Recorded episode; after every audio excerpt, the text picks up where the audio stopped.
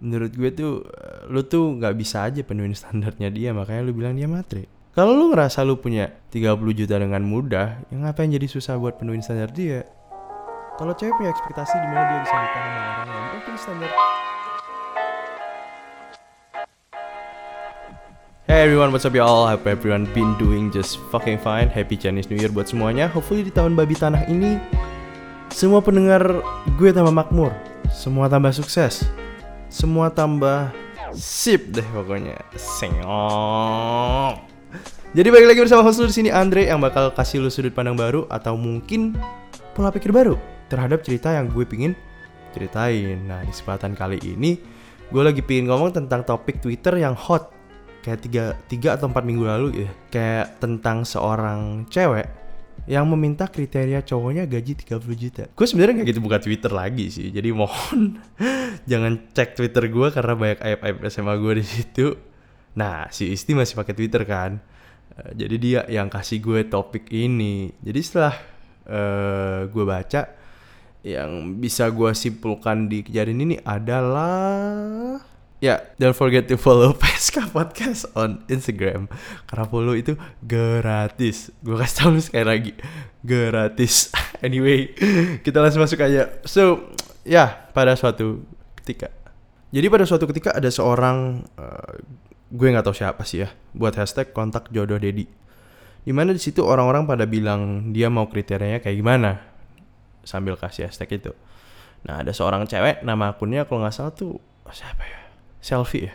Selfie ya kalau nggak salah ya. Tiba-tiba nyeletuk kasih kriteria dia sama kira-kira dia mau uh, suaminya itu ntar gaji berapa. Nah di situ cowok-cowok pada marah ngatain ini cewek matre kayak nggak ada harganya segala macam nah yang cewek-cewek pada bilang uh, mereka marah juga karena mereka ngerasa ini semacam drawback dari feminisme di mana orang ini mengabarkan wanita itu sosok yang uh, dependent sama suaminya. Jadi di sini lo pernah ngerti gak sih uh, basically ceritanya?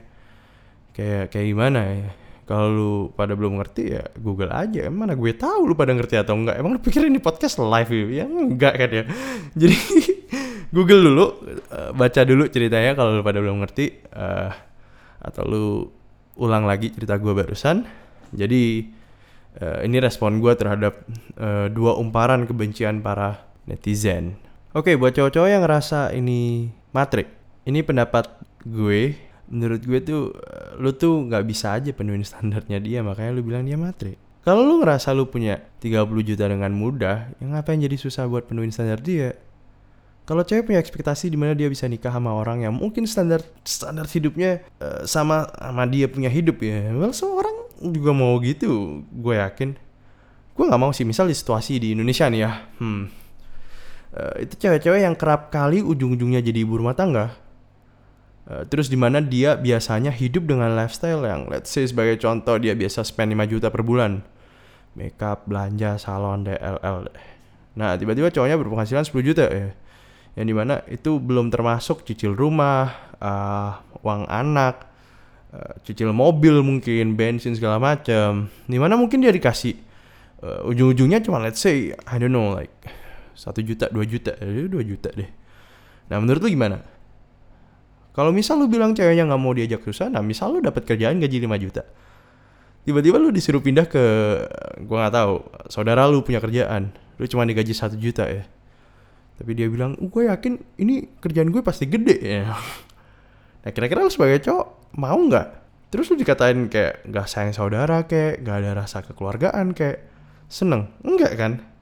Di situ tuh lu pada harus apa ya pikir-pikir kalau emang nggak bisa penuhin standarnya nih cewek ya jangan ngejer terus tiba-tiba pas ditolak malah sewot bilang ceweknya matri nggak mau diajak susah.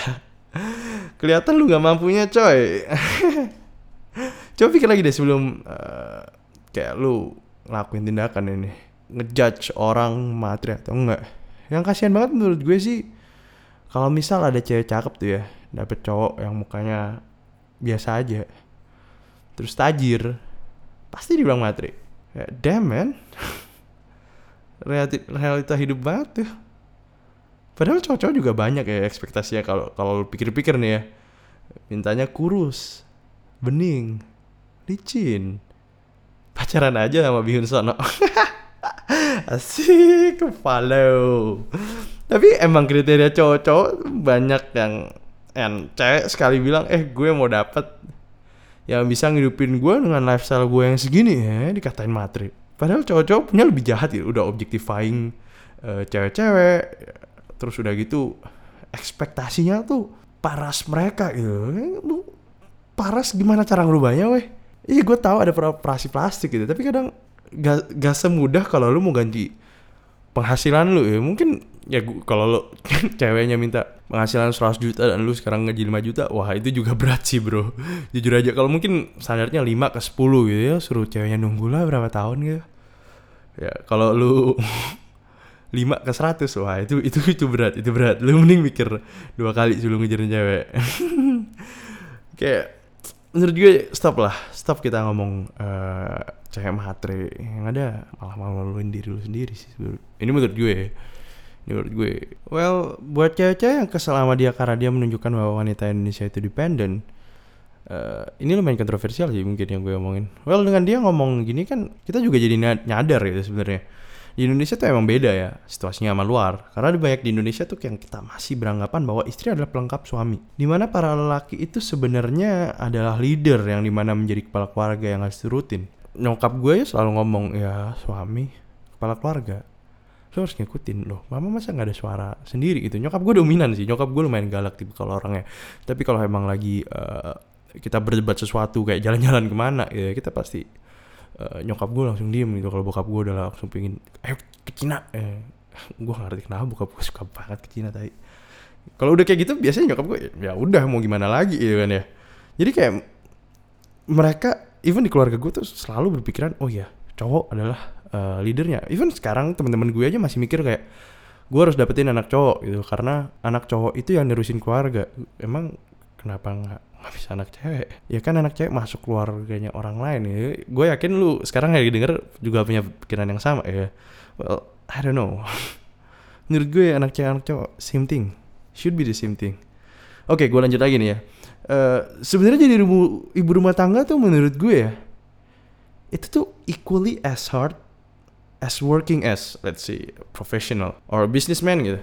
Susah loh menurut gue jaga anak beres-beres rumah gitu tapi emang susah sih jadi istri itu. Jadi ada kejadian tuh ya di mana one of my cousins punya wife uh, adalah seorang wanita karir yang jarang di rumah urusin anaknya. Semuanya pakai suster gitu kan. Terus uh, mertuanya which is uh, my uncle dia juga dikasih suster kasih suster juga jadi beneran nggak pernah diurusin gitu. Jarang bukan nggak pernah nggak mau gitu tapi nggak ada waktu aja. Yang ada malah digosipin sama satu keluarga besar gue ih istri apaan nggak bisa di rumah jagain keluarga?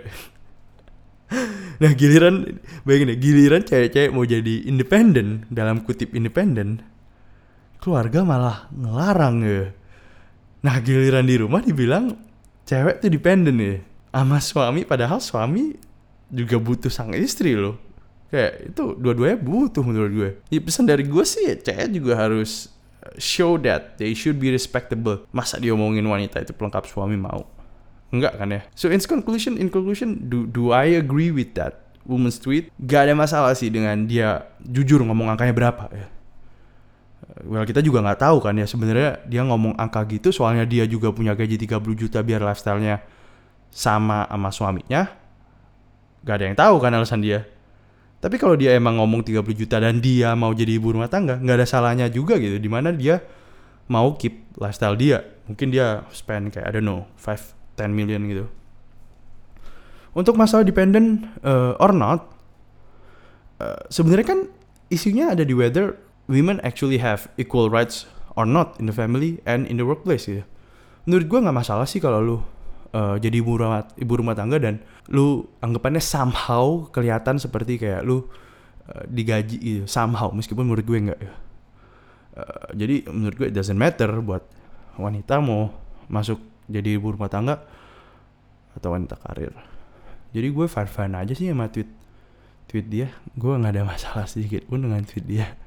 Kitanya aja yang netizen aja yang overreacting ya ya ya coba coba aja gue gue lagi penasaran sih dari sekarang tuh 30 juta itu sebenarnya banyak gak sih 30 juta di Jakarta ya situasinya ya kalau 30 juta di Jakarta sih obviously lu nggak bisa nyicil rumah karena rumah di Jakarta harganya pasti gila banget apartemen. Oke, okay, let's see, let's see. Bentar, gua pause dulu, gua gua gua gua research dulu. Gua penasaran sih jujur aja ya. Alright, gua udah kelar nih research gua. Barusan research cepat mengenai harga properti di Jakarta. Oke, okay, let's say lu ngincer kayak uh, apartemen. Obviously lu Jakarta nggak mungkin lu pesen eh pesen kayak apa aja pesen. Lu cari rumah, ya kan? Lu cari rumah tuh mahal banget, cuy.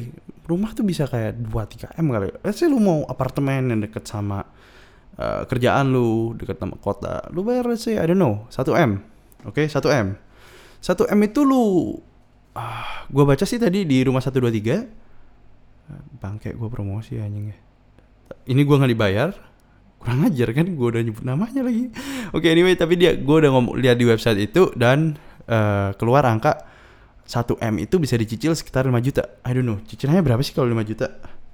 1 M. Hmm, berarti gimana sih 1 Bentar ya. Bangke, jadi lu nyicil sekitar sorry tadi gue pause buat gue ngitung bentar. Jadi lu nyicil sekitar 15 tahun jing. GG itu lu. Waktu lu nyicil. Tapi oke okay lah, lu umur 25 lu mulai nyicil. 40 lu kelar ya ya oke lah. Yang penting lu ada rumah kan. Kalau bokap gue bilang lu gue lupa patah cinanya apa lu harus first thing dan lu harus cicil tuh rumah. Gimana lu tempat tinggal lu di mana ya. Jadi let's say lu taruh 5,5 let's say lah 6 juta deh 6 juta. Kita buletin 6 juta biar cicilan lu lebih kelar lebih cepat. 6 juta 6 juta terus lu pasti nyicil mobil dong mobil lah istri lu juga nyicil mobil. Uh, kasih let's say 5 juta 5 juta. 10 juta.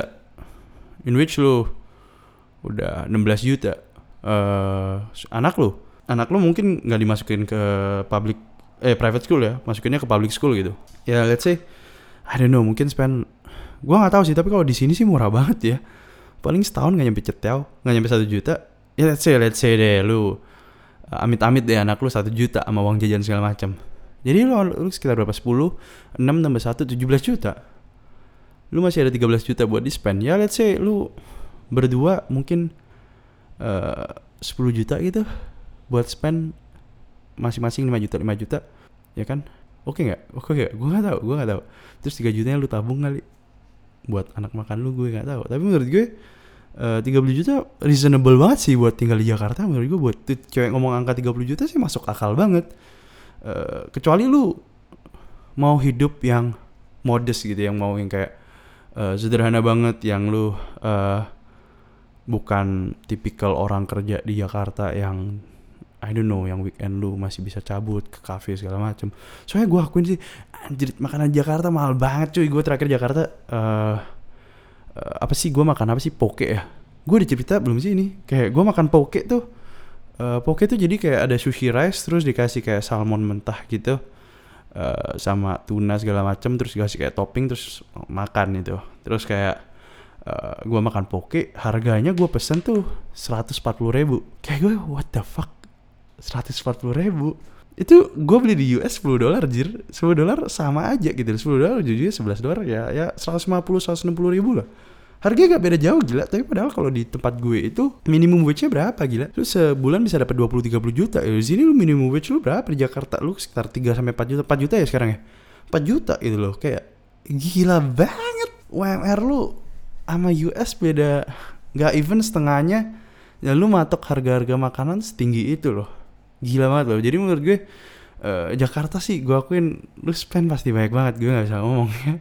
Even kayak pinggir-pinggirannya aja temen gue tuh ada kasihan banget loh. Temen gue kayak di uh, asisten gue sekarang gue ajak dia ke Jakarta buat training kan.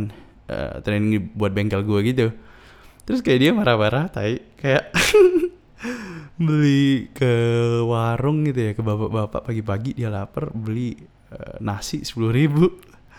Terus dia kayak anjrit sepuluh ribu gue cuma dapet nasi suun sama sambal tempe. gitu gue udah kayak anjing ya lu bayar sepuluh ribu dai ya, lu ekspektasi lo apa? Ini kalau di Madura ya lu udah dapet daging cuy. Kayak gue kayak anjing ya, lu gak bisa bandingin sama Madura dai. WMR Madura gak even setengahnya Jakarta ya anjing. Jadi gue kalau dia ngomong eh, tiga puluh juta reasonable reasonable. Menurut gue kalau lu gaji lu let's say dia mintanya waktu itu umur 30 kan uh, in which umur 30 tuh uh, lu udah lu udah ada kerjaan sip lah lu udah oke okay lah professionally lu udah oke. Okay. meskipun menurut gue susah banget 30 juta ya. Eh, menurut gue 10 juta lah. Kalau tuh cewek nggak mau kerja kira-kira guys menurut gue 10 juta 10 jutaan lu dapat unless lu emang dapat eh kerjaan yang lagi dibutuhin kayak computer science gitu atau kayak apa sih eh, aktuari yang jurusan gue dulu itu lu start langsung 10 juta. Tapi kalau yang lain mungkin enggak gitu. Let's say lu 10 juta temen gue yang lawyer juga rata-rata 10 jutaan sih baru tahun kedua tahun ketiga gitu. Jadi bisa banget sebenarnya 30 juta tapi menurut gue susah. Ya dikit yang kayak gitu. Yang paling bener kalau lu Jakarta ya istri lu suruh kerja juga lah. Gila. Mending lu dings cuy. Dual income no kids. Gila itu dings sih di Indonesia bisa dibacot-bacotin aja anak ambil di sini aja dibacotinnya parah. Eh eh eh gue ngomong sama karyawan gue itu kayak eh eh, itu punya anak. Oh iya punya anak anak ambil. Kayak the fuck gak perlu kasih tahu gue aja gue nggak perlu tahu anaknya anak ambil atau enggak nggak ada ngefeknya anjing. Susah ya di Indonesia emang. Eh, apalagi kalau punya anak di sini baik banget. Ah gue udah mulai ngaco nih ngomongnya. Ngomong anak ngomong apa? Tapi intinya yes. Eh, untuk dia minta 30 juta itu ah, dengan catatan istrinya nggak kerja dan mungkin punya anak sekitar dua gitu atau ya, atau tiga I don't know. Menurut gue itu sangat reasonable di Jakarta sih. Jakarta gila banget mahalnya and yes eh, good luck tuh. Kalau lu cewek-cewek pada cari cowok yang punya gaji 30 juta good luck good luck banget. Gue doain loh ini gue seriusan gue bukan sarkasm loh. Eh, so yeah that's it for the podcast today. Eh, I'll see you wait wait hold on, hold on belum. Ini masih ada segmen penutup yang lu pada harus denger so kita lagi di penghujung acara di mana gue bakal bacain DM Eh, sebenarnya DM ini udah gue share ulang di story gue kalau lu belum follow, lu follow aja di PSK Podcast, lu follow aja PSK Podcast, lu follow aja PSK Podcast. Karena di situ lu bakal dapet survei-survei menarik yang sebenarnya gua nggak tahu faedahnya faedahnya buat lu apa, tapi udah follow aja gitu. Dan di sini gue pengen bacain eh, sebuah cerita eh, yang menurut gue seru banget. Eh, gue pengen tahu pengalaman tentang tikung menikung topik minggu lalu. Terus ada yang ngomong cerita gue nih, seru banget, seru banget. Eh, dia ngomong gini, aku lagi ngalamin kita kenal di satu grup chat dan kemarin pasanganku kurang perhatian. Karena aku suka pemikiran dia yang pokoknya keren menurutku. So yeah, we make it out. I don't care that he is bisex, bisexual. Um, the things, the things I know that I adore him so much and I fell in love with him. And then I was like, okay, damn. So the guy is actually a boyfriend gitu kan. Gue tanya gitu kayak kayak boleh gue share nggak ceritanya? No pressure doh. Eh, terus dia bilang kayak eh, baru aja broke up sama sugar daddy-nya kak WKWK. And now we make it out. He promised me that he'll be straight. But then I told him that he doesn't need to be straight and be a gentleman to be with me. And I was like, uh, damn, that's the most complicated thing I've ever read. Gila. Itu itu itu cerita seru banget loh. Sebenarnya yang seru bukan bagian itu. Bagian ini habis ini dia ngomong gini. Yeah, and he don't need to be anyone else to be with me. I love him, the whole him, with his kinky mind, with his gay things, and so what? Terus habis gitu pause, terus dia kirim lagi. Anyway, he knows that I was a bisex too. Anjing gue kayak, the fuck is this going on? ya jadi kayak dia deket sama cowok, eh, cowoknya sebenarnya eh cowoknya tuh gay, eh, terus habis gitu eh dia dia nih cewek, eh, terus jadian nama nih cowok kan. Ternyata cewek ini dia juga actually lesbian. Ini gue serius loh ceritanya kayak gitu.